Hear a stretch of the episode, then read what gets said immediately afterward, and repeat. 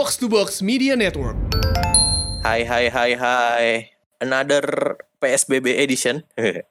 Wah, another COVID edition. Another COVID edition. Episode kali ini ada gua Dani, Halo, ada, ada gue Ape. Oh ya, ada, gue gua juga. Halo gue. Capricorn. Capricorn. Hai. Hai Tolong dong, Capricorn. privasi saya dijaga. Oh iya. Ya lah, gak akan ada kok tiba-tiba ada tukang bakso depan rumah lu gak akan ada. Mana berani sama lo. Gue lebih Itu takut mitos pegawai apa pajak. gimana sih? Pegawai pajak. Bukan Iya, mitos iya, dan Restu aja takut. Wah, Kalau Sekarang Restu kan aja udah- takut, kita harus takut juga. sekarang udah bukan tukang bakso kan, Gojek kan sekarang? Gojek, oh Gojek. iya benar benar. Gojek, iya benar. Ntar mau ngambil coffee beer, taunya ini kan, Aduh. Bang, ya, bang. bang. Go- gosen bang, gosen. Gosen bang, gosen. Eh, betul ini video ini direkam sebelum konferensi pers PSBB ya. Iya benar. Kita Ya, yang eh, pertama nggak usah dihitung yang- lah ya. Yang, yang pertama nggak pusat. usah dihitung. Sebelum konferensi pers yang ini ya, yang yang jam 4 yang pemerintah ya. Iya Ya, betul. susah, Eh, udah. Ini yang harus dihitung yang mana ya? Yang harus dihitung yang mana ya? Ya, Gimana, ini gimana? harus dua kali sih? Gue bingung. Enggak, enggak. Yang yang pemerintah pusat itu yang rutin dan yang Pak Yuri itu loh. Oh, gitu. Cuman mungkin karena ada PSBB dari karena jam 2-nya itu ada pengumuman PSBB, eh, kayak ada Hah? press conference PSBB. Jadi kayak ada Anies Baswedan juga di situ, kayak semacam dia semacam dia ngomong dua kali lah gitu. Gue pikir pemerintah pusat mau bilang sini ngomong depan muka gue berani nggak? gue pikir bakal gitu. kan selama ini tidak jelas. Iya. ya. Aduh. Iya iya iya. Oh gitu. Ya gue oke oke. mikirnya justru kayak ini CNN sama Fox gue. Gimana tuh? Jadi kalau yang ini penonton TV One yang denger, yang ini penonton Metro yang emang harus dua kali seluruh- berarti. Biar biar seluruh pasar ya. biar biar nggak ikut chamber ya. Iya biar nggak echo chamber jatuh ya. Goblok. Mata Nah, Nah, mata. jadi ini eh, akhirnya kita ngomongin COVID lagi ya setelah berapa empat bulan yang lalu kita parah kita nggak ya. nyangka 10 dan nggak berharap 10 episode akan ngomongin loh. ini lagi 10 Iya, iya. episode yang lalu terus kita ngomongin Disangka- ini sekarang iya. lagi Eh, iya. Disangka virus merah putih udah keluar. Iya iya iya. Eh, Ternyata belum. poin obrolan kita ya kayaknya perkembangan lah terus dari kejadian si siklus ini PSBB terus transisi terus PSBB lagi udah banyak lah kalian temuin di Twitter jadi kalau nggak mau dengerin nggak apa-apa terus eh, eh kita dan jangan gitu dan sudah Oh, ada gitu. 75 ribu orang yang dengar. sudah ada sudah ada tiga kali followersnya Faris yang follow. kita udah nggak butuh Faris di tahap ini ya gue ya Enggak ini maksud Faris dari buat buat Kickstarter lagi ya. Tidak ada podcaster yang lebih besar dari podcastnya maksudnya. oh, mantap Keren, keren. Iya. Kalimatnya. Ferguson. Kalimat Ferguson. podcasting anjas. Iya iya iya iya. Tai, tai, tai. the best Aduh. Nah, terus setelah itu kita akan going into details ke perdebatan-perdebatan yang selama ini terjadi kayak apa perdebatannya eh, nanti aja didengar setelah pesan-pesan berikut ini keputusan MK tentang rumput eksekutif sudah dibahas. Dibilang nggak ada naskah eksekutif, eh, naskah ada nih, as- naskah ada, ah, naskah ada akademisnya. Yang bener aja, apa kita orang tolol semua? Ya, kita mulai ya. Tapi sebelum kita masuk ke pembahasan soal COVID-19, eh, tahu nggak sih, Goy dan kita tuh, Apa tuh? seharusnya ada PON loh hari tahun ini. Ada apa? Ada PON Pekan Olahraga Nasional. Oh iya yang di Papua ya? Iya, yang di Papua. PON yang gue tahu sih Ve tapi Hah? nada bicara lo kok berubah ya kayaknya nih pembicaraan yang tidak tulus Iya iya iya iya iya. mana sih lo? Ah, udah. Lanjut lanjut. Nah, ya ada Pon- pon, pon tahun ini, ini karena ada PON tahun ini yang di Papua ini eh, Ah. ternyata eh, tahun ini karena pandemi eh, jadi diundur. Nah, tapi jadi kita di kita undur sampai 2021. Nah, tapi tetap aja nih pembangunannya tetap jalan terus, ya nggak? Pembangunan Ya, untuk fasilitas PON, pembangunan Mantap. untuk eh, apa tuh venue-venue-nya dan segala macamnya jalan terus. Nah, Infrastruktur jaya.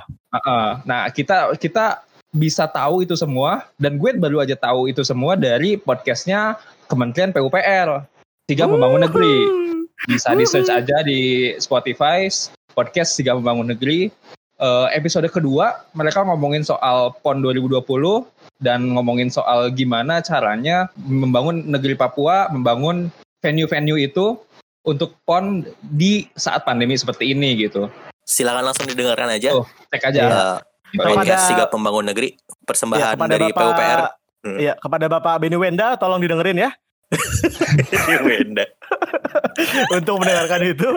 Oke. Betul, kita- tadi tadi ada revisi dikit berarti ada nih. Apa revi- tuh? Revisinya jadi abis lagu tuh eh, bukan pesan-pesan berikut ini tapi pesan PUPR berikut ini. Mantap. Podcast Eh, PUPR. Yoi. Semoga panjang ya gue ya. Maksudnya semoga setelah ini ada kan kita ya Allah. pesan dari dasar. Iya iya iya. pesan dari Kemarin- Derawan dari siapa mau kita caption. relay. Ke mana Dani ngasih caption, captionnya sponsor semua. kita totalitas memang. Jadi buat Ya. podcast mana pun ya kita totalitas. Ini Jadi biar buat yang buat yang calon-calon sponsor, juga tahu Iya, eh, buat siapa yang calon-calon paling sponsor membutuhkan biar gitu. tahu ya kita sangat-sangat sangat-sangat ini sangat-sangat full, sangat-sangat inilah sangat-sangat all out. totalitas. totalitas. Iya. Totalitas. Ave baru Ave baru beli mesin cuci, tolonglah.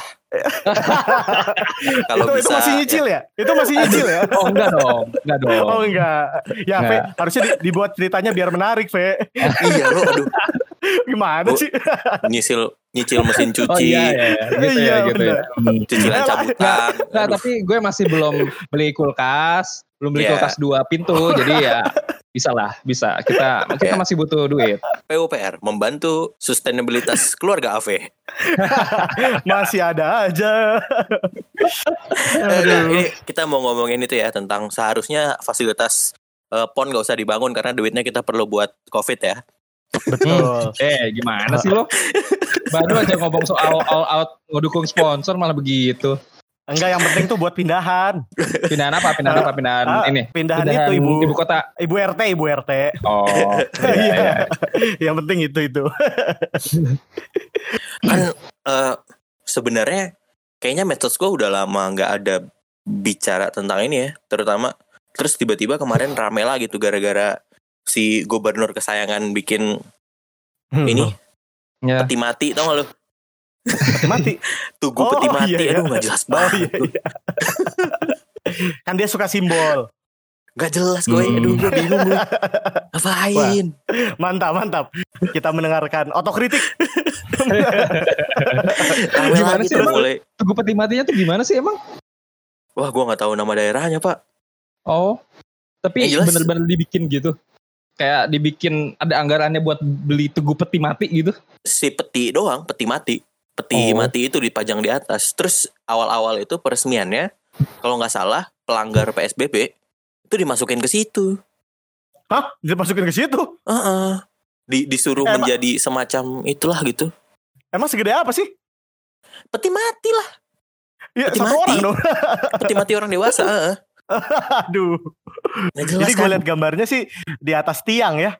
Dimasukin ribet se- itu juga sebelum ini. dinaikin, sebelum dinaikin. Oh, sebelum Nah, naikin. oh, terus gitu. setelah dinaikin, seputarnya itu malah jadi objek wisata kan. Iya. Malah orang jadi ngumpul di situ. Mencegah berkumpul malah berkumpul ya. Iya, gue gak ngerti deh. Nah semenjak itu tuh jadi rame lagi nih timeline Twitter gue sama covid-covidan. Nah, Kalau timeline Hmm. Twitter lo gimana? Obrolannya tentang covid itu seputar apa sih? Kalau Twitter gue itu anekdot-anekdot cerita-cerita soal COVID itu selalu ada ya. Dari eh, pasien, dari nurse, dari dokter gitu. Cuman kan gue sebagai pengguna sosmed yang gitu-gitu aja kan lama-lama bosan ya. Iya. Lama-lama gak bosan jadi ya. Pada akhirnya kan gue kan ya scroll scroll scroll aja gitu loh. Maksudnya ya Hmm. gue sebagai sebagai orang yang punya keluarga anjas. Ya, aduh. Songong, Kami juga punya keluarga, eh. Kami Kami, juga juga, punya, punya Fe. keluarga. Meskipun gue- kartunya gue- masih nebeng, masih Iya, punya kami V. Walaupun belum punya kartu keluarga sendiri. Maksud gue, gue sebagai orang yang eh, ketemu orang terus gitu ya di rumah, ya udah ngerti tanggung jawab gue gitu loh. Hmm. Kayak ya jadi ya itu mungkin efektif buat ef- efektif buat orang-orang yang belum sadar gitu ya. Tapi kan gue kan sadar udah Ya, udah ya, udah preventif dan segala macamnya gitu. Jadi ramenya tuh bukan gara-gara pandeminya cuy. Terus Ramenya tuh gara-gara politiknya cuy. Iya. Ya kalau kalau udah udah dipolitisasi ya semuanya rame pasti. Ini efek pilkada mundur kayaknya ya. Ya pilkada mundur tapi nggak mundur-mundur banget tuh gue. Kan mundur lagi tuh- nih, Ve. Pon itu diundurnya sampai 2021 loh. Ini pilkada Eh, lu baca ini nggak barusan gue baca berita di Tempo apa di mana gitu. Kalau Hah? kampanye diperbolehkan selama di bawah 2000 orang, tau gak lu? Iya iya Di betul. bawah 2000 Eh, bukan, orang. Iya. Bukannya jadi 100 orang dan. Batasnya 2000 tadi gue bisa. Wah mantap sekali. Terus kemarin juga ada yang dangdutan kan si Janet Janet itu Kalimantan apa mana ya gitu ya nggak jelas dah. Aduh. Yang di Solo, yang di Solo. Tau gak lo? Oh gue nggak tahu yang di Solo. Yang di Solo Yang tuh mana? Yang Solo ini. bukannya calon tunggal. Nah itu calon wali kotanya tuh dipotong rambut gitu, potong rambut di depan media gitu, nggak ngerti deh gue. Buat apa potong rambut di Ada- depan media? Ya itu nu- nurutin nurutin eh, ininya dulu, nurutin bokapnya dulu, sama kayak gitu juga. Kayaknya Oh, Mas Gibran kayak- bagusan nggak ada kampanye. Kalau ada kampanye ntar yang Iya ya kota kalau kayak gitu ya, justru kalau kampanye makin banyak meme dan makin banyak negatif Iya. negatif campaign. Gue kalau Eh. udah punya eh, ini ya maksudnya udah punya popularitas nggak kampanye gue face serius. Iya. Kalau calon tunggal ya iya, iya. kampanye. Cuma Iya. menurun-nurunin. Cuma rendahin elektabilitas. Jadi Iya. sasaran tembak yang ada ya. Kita udah di bulan September ya. Eh, sampai bulan September eh, tanggal 13 ini sudah ada 28 juta 960 ribu 971 Waduh, Kasus. detail sekali. Sedunia ya. ya. Ya ini menurut ini se- ya sedunia ini menurut Ah, iya, iya. word word word nol wordometers.info slash Ah, iya. coronavirus. Untuk orang Indonesia jangan khawatir, kita belum sampai 20 juta. ya, Belum. takutnya Belum, disangka. Baru 200 ribu. iya betul. Eh, nah, kalau deaths-nya, kalau kematiannya udah 924.875. Ah, Dunia juga itu. Itu dunia juga. Iya, masih, masih dunia ya. Yang Kalau yang, Indonesia berapa, Ve? yang recover-nya 20 juta 840 ribu. Kalau Oke. kita tuh kayaknya baru baru keluar dari ini kan, baru keluar dari 200 ribu kan ya? Ya, Baru, Indonesia oh, iya. itu kasusnya baru 200 ribuan, 218 ribu. Betul. Tapi tambahan kasusnya banyak banget. Kita Ya, ya, ya, ya. tambahan kasusnya itu kita di atas 3000 terus kan. Iya, iya. iya. Nah, total deaths kita itu 8.723 Iya. dan recovernya sekitar 155.000. Jadi em, sebenarnya kalau soal persentasenya kurang bagus juga sih sebenarnya. Ya, yang Ave bilang tadi masalah pertumbuhan kasus emang gokil sih ini ada dari dua sumber sih. Mhm. Eh, yang sumber pertama itu dari lapor COVID-19 punyanya Mas Ainun Najib dan Oke. social res lab-nya NTU. NTU ya ini ya. Maksudnya Ah. bukan Erlangga dan lain-lain. Ya, aduh. Ya. Kenapa Erlangga? Kasihan sekali. Terus terus. yang kedua itu eh, dari Pemprov DKI. Eh, di grafiknya mereka itu sama-sama eh, high fatality rate-nya itu akan masuk di minggu ketiga September kalau tidak diadakan si PSBB total lagi. Nah kita Berarti mulai geser ke PSBB kayak gini total ya? nih. Gimana? Berarti kalau laju pertumbuhannya terus kayak gini, high fatality rate-nya di akhir September. Di ya 20-an September itu udah high fatality banget. Oke. Kalau ini sih dua-duanya kayak gitu ya. Gue nggak tahu eh, dari Dinkes sama dari oh iya. NTU duluan mana. Oh iya. Nah, Ini kita mulai geser ke situ. Ya? Oke, oke. Ya, NTU sama Pemprov. Kita mulai geser ke situ tuh. Eh, rame banget ya perdebatan ini. Bahkan ada yang sampai lo tahu ini nggak food apa sih istilah dia? Dia tuh kerja buat brandingan restoran gitu, bikin gerakan dine in. Oh, Sempat iya iya gue gue lihat gue lihat. Gue liat di itu. Iya Twitter. iya. Gue baru lihat Jadi- tadi, itu baru banget. Sialan Banyak. juga ya itu ya. Banyak perdebatan macam-macam kayak gitu. Sebenarnya apa sih yang bisa kita highlight dari perdebatan eh, PSBB ke transisi terus PSBB total lagi? Wah. Terus pertama kita kan mau kalau kita mau jelasin PSBB dulu ya. PSBB itu kan bukan lockdown kan. Betul. Ya, Karena nggak ada bukan duit ya. ya. Karena nggak ada duit ya. Ada duit. Karena kalau lockdown kan harus ada bantuan sosial dan segala macamnya kan. Wajib gitu Tidak loh di, berani. di undang-undang. Tidak Kalau berani PSBB pakai itu- undang-undang karantina kesehatan. Kalau PSBB itu cuma pembatasan doang. Jadi eh jadi bisa fleksibel lah gitu maksudnya. PSBB-nya tuh mau kayak gimana. Mungkin tiap tiap daerah beda PSBB-nya. Gue gue Ya. rasa kayak Bogor tuh beda PSBB-nya daripada dibanding Apa namanya? Jakarta. Namanya UTBK ya? Apa sih? Bogor? UTBK. Apa? Ujian dong. Gimana sih? P- PSBMK, PSBMK. ya itulah nggak jelas pokoknya Ya, Bogor. Itulah namanya. ya. Nah, nah ketika ini kan ka- kita kan ngomongin soal PSBB itu berarti yang lagi disorot banget PSBB Jakarta kan? ya. yang Ya. asalnya PSBB, terus PSBB transisi, terus PSBB lagi, gitu kan. Yes. Itu sebenarnya yang disorot itu PSBB itu pertama kali tujuannya buat apa? Terus ketika Hmm, hmm. transisi itu tujuannya buat apa? Terus sekarang PSBB lagi itu tujuannya buat apa? Gitu. Iya, iya, iya. Hmm. Ya, itu kan yang kemarin banyak tuh eh, yang eh, dari PSI, dari PDIP, dari Iya, macam-macam lah gitu. Eh, Mempertanyakan ber- ya. berkomentar soal itu dan bertanyakan kan. Hmm, hmm. Iya, iya, iya. Yang ini kita pernah bahas dan di episode 63 kalau PSBB itu kan buat hammering kan sebenarnya. Ya. Eh, Ya, silakan penting dicek uh, episode 63 ya. Kita ya, pernah bahas episode COVID. 63. Yang penting PSBB itu eh, PSBB itu yang penting eh, interaksinya turun dulu sehingga eh, rumah sakit nggak terlalu kewalahan gitu nanganin nanganin banyaknya pasien gitu. Oke. Nah, habis itu transisi itu berarti em, asumsinya udah bisa terkendali, udah terkontain, terus kemudian bednya udah nambah, eh, kasur di rumah sakit udah nambah dan segala macamnya sehingga kalau balik lagi ekonominya balik lagi itu berarti udah udah siap seenggaknya gitu. Nah, tapi kenyataannya kenapa kita kenapa kita balik ke PSBB lagi? Karena ya karena ternyata kapasitasnya kapasitas nambahnya cuma segitu nggak nggak nggak bisa banyak Dan- banget gitu ya terus kemudian ya. adaptasi kebiasaan barunya new normalnya ya nggak nggak dijalankan gitu loh dan banyak yang waktu dari ke PSBB transisi itu sebenarnya penambahan jumlah kasur atau sambil menunggu uh, pasien-pasien yang positif ini sembuh sehingga kasurnya secara stok udah kembali Iya. lebih terkontrol ya karena nggak Both nggak sebenarnya penambahan sih. kayaknya oh penambahan ada juga ya Dua-duanya, dua-duanya. Dua-duanya sebenarnya ada Oke. alih fungsi ini juga kan, alih Ada fungsi, alih fungsi beberapa Atlet.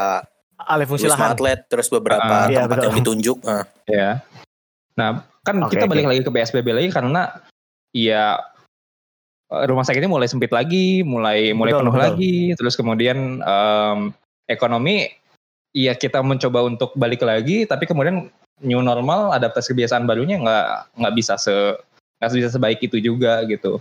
Plus Oke, oke. sebenarnya plus sebenarnya ini yang menarik ini yang menarik dari konferensi Pak Anies tadi.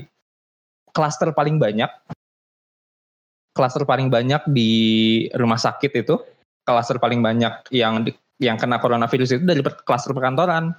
Perkantoran. Iya. Jadi kantornya ada kantor swasta atau kantor pemerintah nggak ada ya wah kemarin ada kan Pak kementerian, Oh, kan kemarin kementerian oh oke dicurigai. lebih ini kan kita disponsor oleh pemerintah udah nggak usah Oh, oh iya. Pemerintah yang penting aman, yang pasti bukan Kementerian PUPR, kementerian Enggak. lain, yang lain ada. kementerian Kita investasi apa kalau nggak salah. akses masuknya Kominfo dan eh, Kementan. Kita tunggu iklannya. Iya, Kalau tidak ingin. Iya. Oke oke oke. Ya makanya em, jadi gue nggak tahu ya mungkin eh, ada ada ketimbangan data juga di sana karena yang yang ngantor yang kemudian bisa swab test gitu loh. Ya Ya, benar. Ya, Hmm. Betul. Yang kemudian ya kita nggak tahu informal kayak gimana. Jadi informal itu bukannya bukan yang nggak sektor informal itu bukannya nggak ada terinfeksi sama sekali. Justru menurut gue kita kayak ngelihat ke terowongan aja gitu loh, nggak nggak nggak kelihatan sama sekali gitu loh kalau di Tapi sana. kalau ngomong DKI, swab test sudah dari puskesmas sih, Fe. Iya betul sih. Heeh, heeh. Cuman kan di Tangerang Selatan juga swab testnya gratis. Iya, Mantap cuman Iya, Arin. udah dari puskesmas. lo berapa lo ya? jalan-jalan di mana ya? Lo jalan-jalan di Jatinegara atau jalan-jalan di Tanah Abang atau Cempaka Putih yang bagian bagian padat penduduknya kan. Itu ya tetap aja gitu loh. Lo ngelihat sektor informal orang beli gorengan ya beli gorengan aja gitu loh. ya benar-benar. Pada akhirnya kita kita juga nggak tahu mereka mereka ngerasa nggak ada gejala ya terus kemudian nggak nggak ke puskesmas gitu kan. Dan kalau geser sed- kalau geser sedikit ke masalah adaptasi kebiasaan normal baru yang berjalan kurang lancar, Mhm. ini juga disupport oleh teori konspirasi ya. Iya. Apa tuh? Eh, enggak maksudnya teori konspirasi yang beredar nih kan opsinya makin banyak juga. Tapi secara umum kan Kayak Iya. dipilih satu gitu ya. Oh gue iya. gue pengen gue nggak pengen pakai masker apa ya teorinya ya Nah iya betul. Itu tinggal tinjauan pustaka aja. Iya. Tinjauan pustakanya mau pakai sumber yang mana. Nah. itu Iya. membantu juga sepertinya eh, proses keter- keterhambatannya. Enggak karena kalau dilihat polanya kayak New York dan lain-lain juga kalau memang kurvanya udah turun sedikit itu roda ekonomi akan harus mulai dibuka ya. Betul. Kayaknya. betul. Waktunya eh, tidak boleh kelewatan gitu ya. Iya, jadi udah Ya, ya. ngelihat peluang dikit emang dibuka terus kalau udah eh, fase hammeringnya udah lewat ada lonjak lagi ya Hmm. harus cepet-cepet ditekan lagi gitu. Kalau istilah Iya. yang dipakai berseliweran kemarin kan rem mendadak nih. Iya, iya. Tapi berarti kalau dengan asumsi bahwa menyelesaikan pandemi itu menunggu vaksin dan WHO menyebutkan bahwa tidak akan menjamin sepertinya tidak menjamin vaksin hingga akhir 2021, Hmm. maka ini akan jadi siklus yang terus Gitu-gitu berulang aja. ya. Heeh, ya, Iya benar. betul. Iya. Ya, ya kalau nggak ada yang berubah secara signifikan yang ya berarti kan kalau berubah secara signifikan itu berarti vaksin ya. Kayaknya ya Iya. bakal gini aja sih. Betul betul betul. Tapi Gitu. sebenarnya Jadi- banyak daerah yang kalau gue lihat bisa tanpa vaksin udah mulai neken sih kayak Singapura misalnya naik 69 mereka ada 69 kasus baru oh, itu. New Ya. Zealand sorry sorry Oh, kalau Singapura itu Agak jauh ya? 49 oh Eh, iya. ya di Hmm. segituan lah skalanya 49. mereka langsung ngelibatin TNI gue langsung turun TNI ya. TNS dong. TNS Tentara Negara Singapura oh dong. ya ya benar TNS. SAS bahasanya mereka Singapura Army, Singapura Army, oh iya betul. Singapura Armed Force ya. Armed Force ya. SAS Tapi tadi Eh, dari konferensi pers Anies bukannya TNI kita juga mau turun? Ya, sekarang kalau kemarin itu hanya dari Pol PP sama Pol PP doang, sekarang udah ada polisi sama TNI buat lebih pengawasannya sih. Nanti turunnya jangan pakai tank ya Pak, biar eh, gerobak nggak kelindes Pak. Mohon maaf nih Pak. Takutnya kan. Kayak di Twitter itu ya. Aduh, Aduh. iya begitu. Fix ini Pakai depan mau- rumah depan rumah gue ya tukang bakso ini fix. Aduh. Enggak itu udah bener. Itu lagi itu TNI-nya mereka cuma jawab. Nah, mereka cuma tanggung jawab terhadap yang mereka tabrak kan, terhadap Emang jalan gitu-gitu. Oh, Kan nggak pertanyaan boleh. gua, dia dia bawa tank buat apa sih? Iya makanya. Oke oke oke. Eh, mari kita Oh, tinggalkan itulah ya. Pokoknya jangan pakai tank Pak, pakai mobil aja Pak. Iya iya. Iya Pak. Oke oke.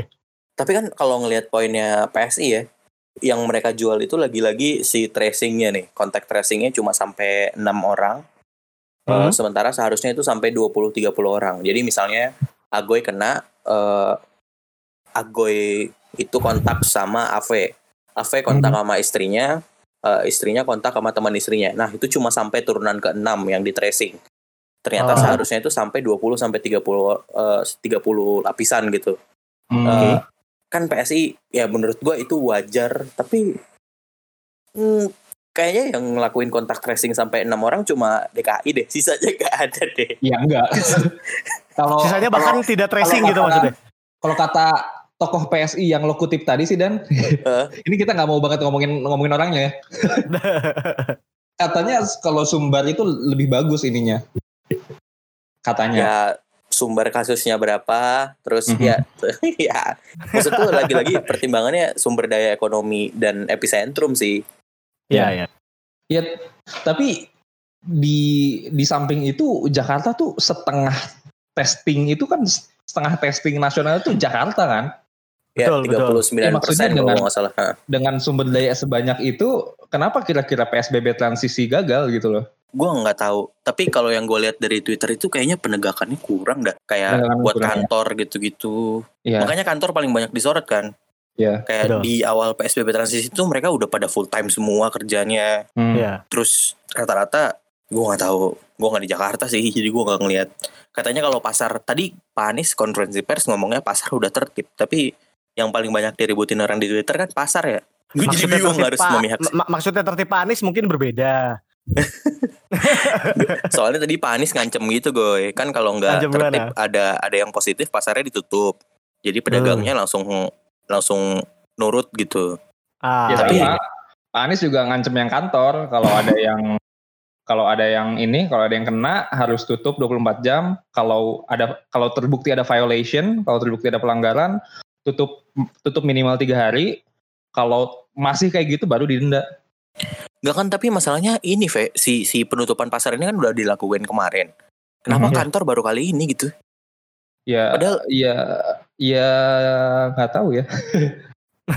gue gue nggak tahu kayak banyak ya, ya banyak banyak pertanyaan itu juga sih dari PSI ya terutama ya. Yang Hmm. kalau kalian ngelihatnya gimana tuh?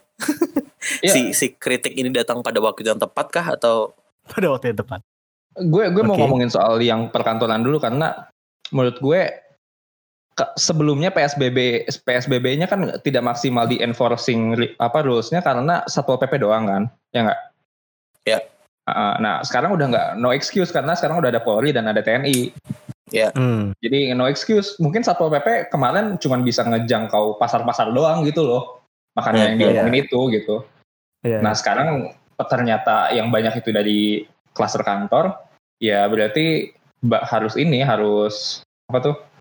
Harus PL Polri sama TNI-nya harus benar-benar dimaksimalin buat jagain perkantoran gitu loh. ya ya ya. BTW kalau mau sedikit gue tarik lebih sedikit ke akar mungkin ya.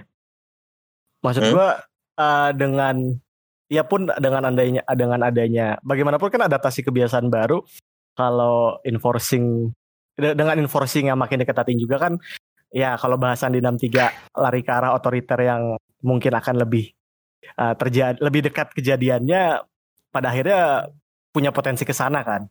Dan Mhm. selain itu eh, maksud gue yang dilihat tadi kan salah satu evaluan lainnya adalah tentang kitanya nerapin AKB sendiri kan yang mana sebenarnya itu harusnya datang dari dalam diri masing-masing orang. Ya, Ya, walaupun di satu sisi ya tadi kita sempat bahas tentang uh, teori konspirasi dan lain-lain, yang mana mungkin itu emang punya efek juga ya.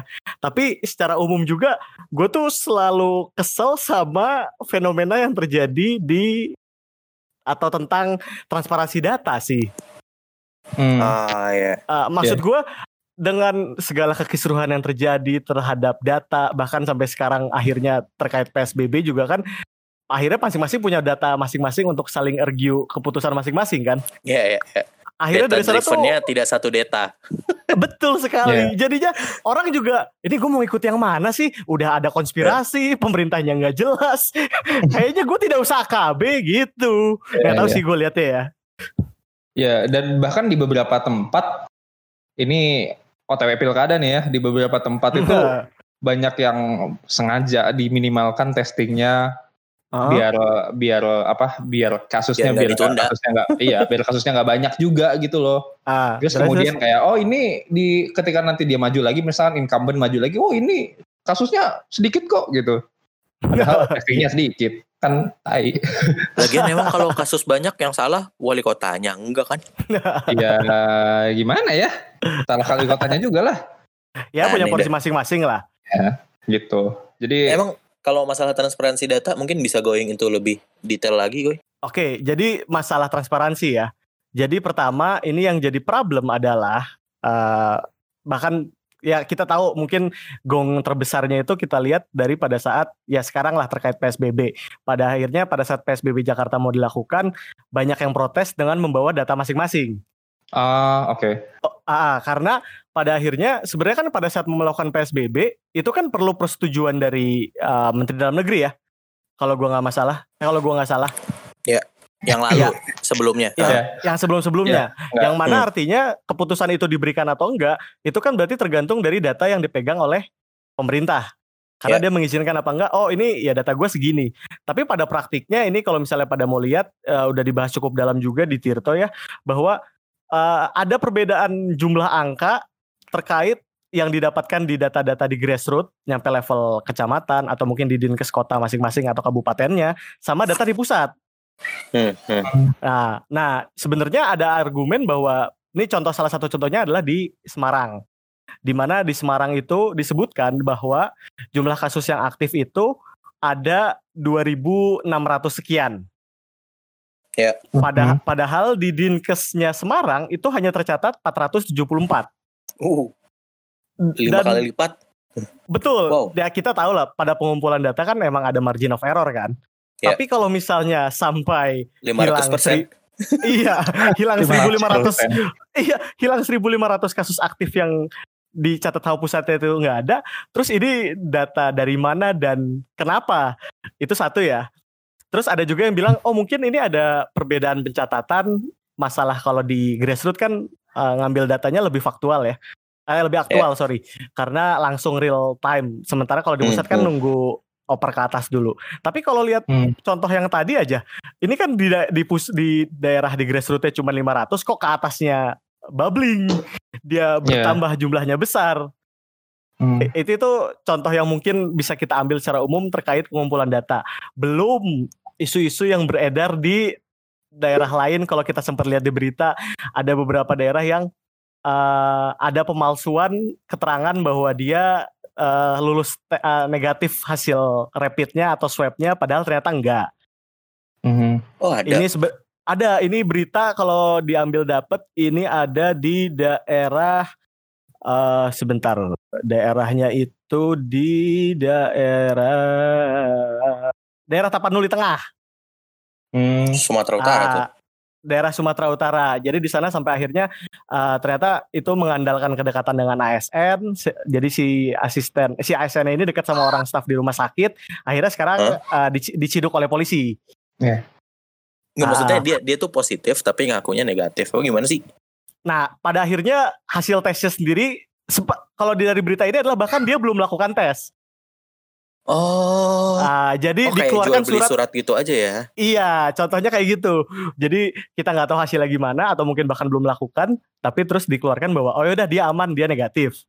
Mungkin dia Hmm. takut jarum gue nggak apa-apa lah. kayak mau ini ya apa namanya mau posyandu ya.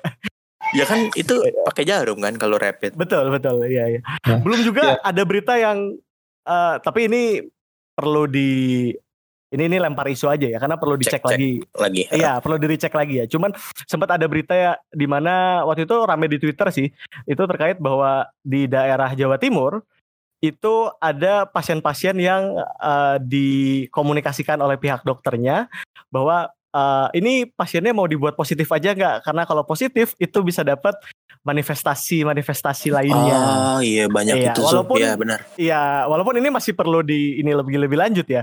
Ini yang Cuma jadi kayak- tempo bukan sih gue? Ah, gue nggak tahu sih kalau di Tempo dilaporin apa enggak ya. Ah. Ah, cuman emang jadi berita-berita yang kayak gini tuh jadinya kan makin mengaburkan ya. Mungkin awal-awal kita lihat, oh ini datanya kayaknya salah nih, kayaknya datanya harusnya lebih banyak. Tapi kalau Hmm. dengan ada berita kayak yang tadi-tadi, jangan-jangan sebenarnya datanya lebih sedikit. Nah, kita nggak Hmm, tahu iya, tuh iya. mana yang kejadian. Ya. Dan ketika saat ketika seperti ini kan idealnya data tuh dijadiin buat patokan kebijakan ya. Betul. Cuman karena ada pertama datanya nggak jelas dan kemudian data yang ada itu justru bukan buat bukan buat jadi patokan kebijakan tapi malah jadi eh, bahan bakar narasi politik. Soalnya- iya betul. Soalnya kayak em, jadi jadi kayak excuse gitu loh kayak oh lihat Indonesia em, lihat Indonesia banyak eh, banyak kasus tapi death-nya sedikit misalnya. Eh, Iya, iya. Hmm, hmm. kematiannya sedikit. Ya itu karena Iya, Indonesia demografinya lebih banyak lebih banyak ini, lebih banyak apa tuh? Lebih banyak anak muda dan kemudian lebih banyak yang tidak rentan dibandingkan Iya, misalkan iya. Italia atau Inggris dan segala macamnya. Jadi kadang-kadang Hmm. ketidakmampuan publik kita untuk membaca data itu suka Iya. di, dimainin gitu sama sama Iya, politikus-politikus ini gitu loh. Betul, betul, betul. Jadi Ya. makin Ya. parah aja ya. Datanya Hmm. cuma jadi landasan opini gitu ya. Benar-benar. Betul, betul, betul. Gitu sih. Oh iya, mungkin tambahan contoh satu lagi juga kemarin yang sempat rame terkait jumlah dokter yang meninggal akibat COVID. Oh iya. Iya, itu kan juga jadi karena pra- dari dokter sendiri bukan perayaan ya lebih ke arah Eh. momen peringatan kan bahwa udah nyampe 100 tapi terus dari gue lupa siapa yang ngasih statement walaupun habis itu di backing oleh salah satu anggota DPR ya bahwa data dari Kemenkes katanya 34. Cuman 34 tapi Iya, di betul. 100 ya. Iya betul. Nah, soal data-data ini itu agak 100 bahkan. agak insensitif ya komen-komennya kayak eh, kematiannya cuma jadi angka doang gitu. Iya. betul, iya iya iya. iya. Ya. Agak agak kurang insensitif nih, aduh. Agak kurang sensitif kali. Eh, jadi gimana? insensitif. Gimana? Oh, Oh, iya, insensitif. Iya bener, salah salah sorry sorry. Iya. Dan ini kan kemudian eh, kalau kita ngomongin balik lagi ke PSBB ya. Ya. Ini ini kan kemudian setelah Anies mengumumkan ada PSBB lagi, yang sebenarnya PSBB itu udah dilakukan oleh eh, provinsi lain juga loh. Banten tuh udah dari kapan tahu PSBB tapi nggak pernah dikomenin. Betul. Begitu Ya, Anies Jawa Barat juga. Jawa Barat juga di Hmm. beberapa tempat gitu kan. Nah, Bekasi itu kalau nggak salah masih PSBB terus loh. Iya, ya, perpanjang terus lah pokoknya ya. Iya pokoknya PSBB PSBB yang nggak gue nggak tahu sampai kapan gitu loh dan kalau nggak salah Bekasi itu kayak gitu. Nah tapi Ya. ketika Anies mau PSBB lagi, Jakarta mau PSBB lagi, baru kemudian narasinya macam-macam tuh dari mana-mana. Terus ini gue sebut nama aja ya, yang menurut gue Valdo Maldini itu ketika ketika dia ber apa ketika dia um, berkomentar seperti itu ya kalian bisa lihat lah komentarnya di Twitter Oke. ketika berkomentar seperti itu itu dia tuh kayak um, emang dapat dapat dua burung dengan satu batu gitu loh Hmm. Di- Yang mana satu dua sisi- burungnya apa? di satu sisi dia kemudian dapat panggung dan kemudian bisa nyerang Anies bisa nyerang bisa nyerang opos bisa nyerang apa ya bisa nyerang em, figur Target PSI. figur politik ya, figur politik yang jadi oposisinya PSI walaupun Ya. sebenarnya PSI PSI yang di sebelumnya ada berita PSI yang ngusulin agar PSBB lagi Nah, oh, Uh, jadi ada ada berita beberapa hari kayak beberapa minggu sebelum September ini itu ada berita uh, bahwa ada statement dari PSI kalau uh, ini udah tinggi kita harus PSBB lagi. Hmm. Itu dari DPRD dari DPRD DKI Jakarta kalau nggak salah waktu itu. Gue gue lupa siapa namanya. Gue gue nggak nangkep eh, Valdo against PSBB lagi sih, Ve. Yang gue tangkap adalah kenapa eh, udah PSBB tapi nggak turun kalau kata Valdo. Iya, iya, maksudnya itu salah logika aja sih. Maksudnya nggak bisa lo bandingin before Ya, after gitu loh untuk Ya. melihat hasilnya. Tapi lo harus punya dua situasi yang mana satu di PSBB-in, satu nggak di PSBB-in gitu. yes, yes. Nah di sisi lain dia itu kemudian karena dia mau jadi gubernur Sumbar juga kan, jadi calon gubernur Sumbar. Dia itu kemudian ngebandingin sama eh, gubernur Sumbar Irwan Prayitno yang kemudian di- dipandang bagus, tesnya tes tesnya banyak, terus kemudian adaptasi kebiasaan barunya dipandang berjalan dan segala macamnya. Jadi dia dapat dapat dua batu tuh, eh dapat dua batu, dapat dua burung dengan satu batu tuh itu gitu loh. Yang satu secara secara secara apa ya secara politik dia dilihat lagi sambil kemudian dia coba ngambil hati rakyat Sumbar gitu loh Dia udah Ya. mundur, Pak. apa Dia udah mundur. oh dia udah mundur ya Nggak Kalau dapat nggak dapet. partai pendukung. ah baru tahu gue Di lo ngomongin Ya. orangnya nggak tahu nasibnya parah. apa lagi nah tapi kemudian em, karena ada narasi lo tahu kan di Twitter eh, apa jubir PSI eh jubir PSI jubir kem- jubir presiden terus kemudian bikin bikin apa Meme bikin- tweet giant itu. bikin tweet tweet no mention gitu loh anjir tweet no mention udah kayak anak SMA aja Yang gambar giant bukan? iya bikin tweet no mention terus kemudian ada gambar giant gitu Iya, ya, gue lihat.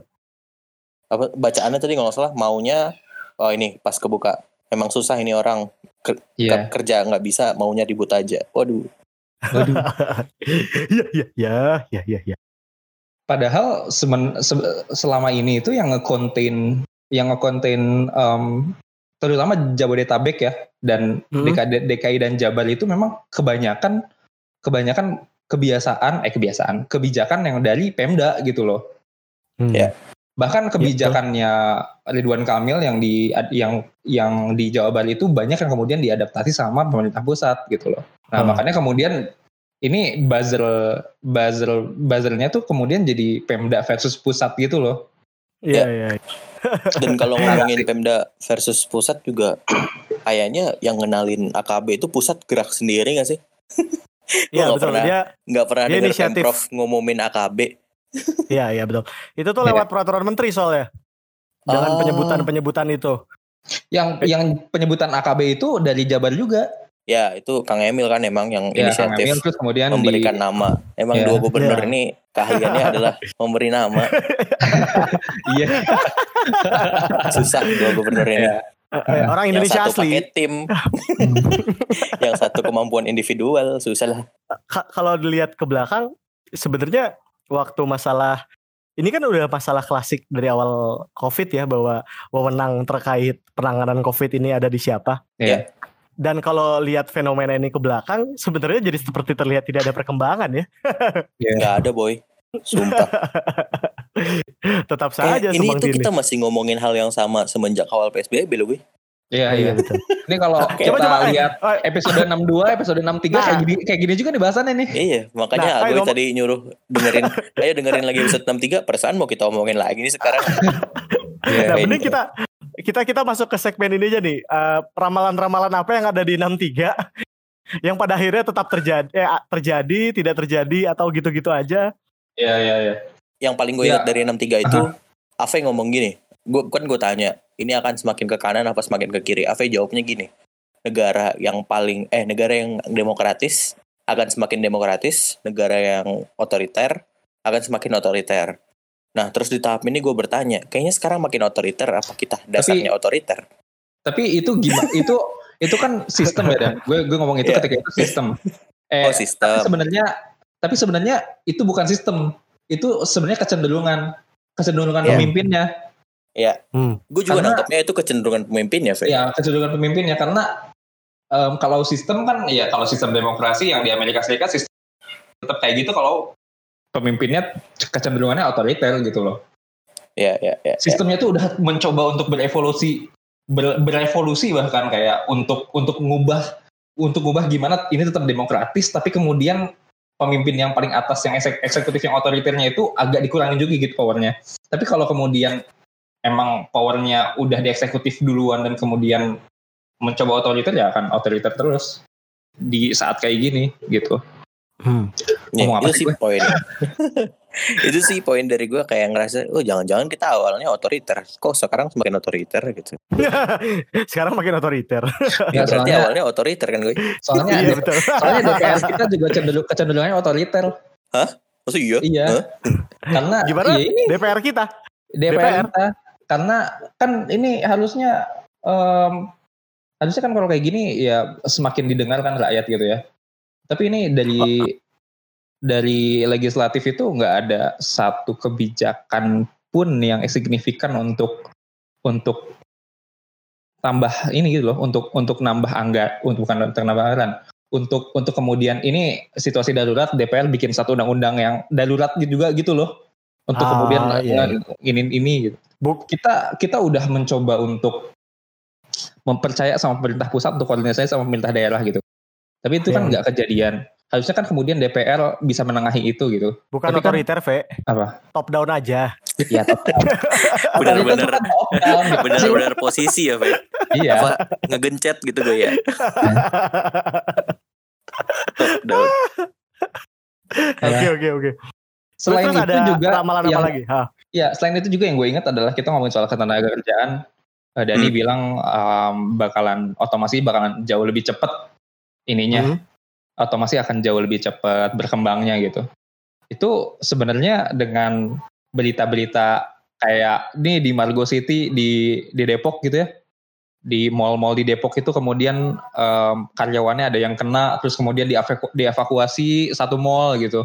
Ini Hmm. kayak pemilik-pemilik mall dan pemilik-pemilik grosiran gitu ya pasti bakalan mikir, hmm, ini gue investasi robot aja kali ya karena Kalau mall-mall di Pekanbaru rata-rata udah nggak pakai satpam gitu lagi masuknya, Fe.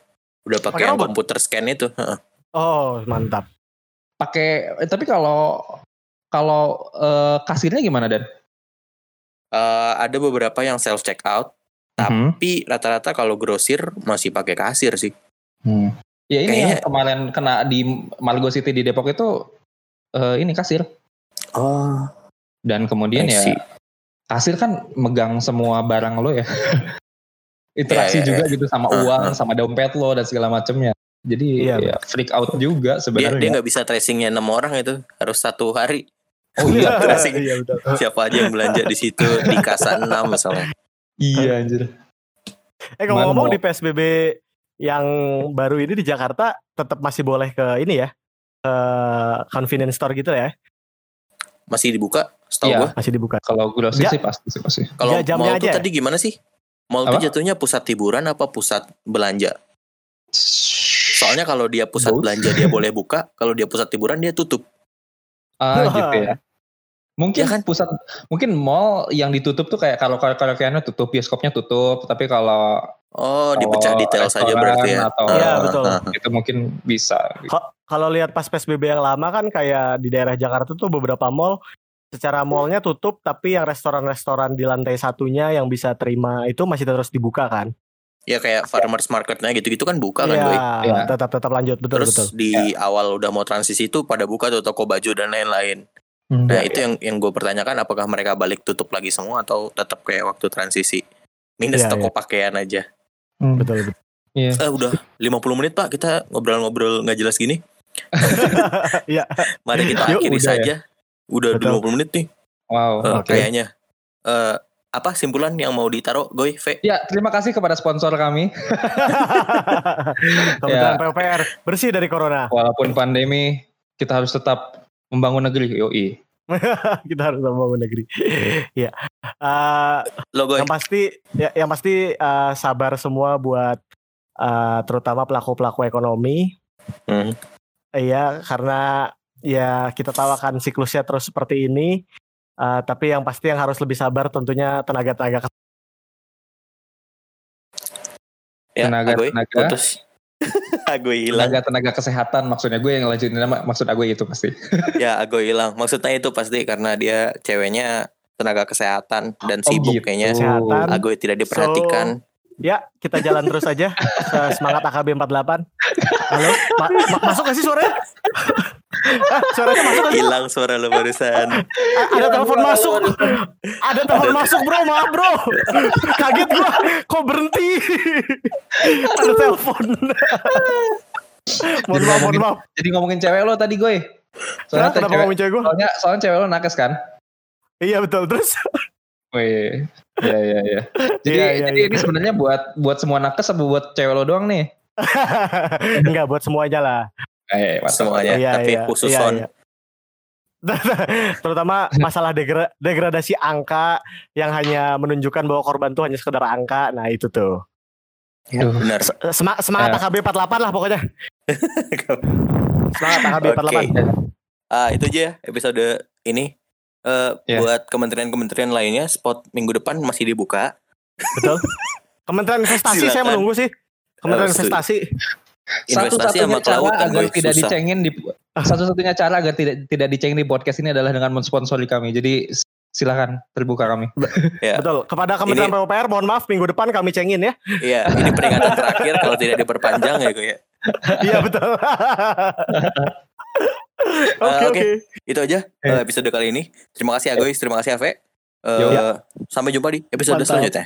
Oke. Sampai jumpa. Sampai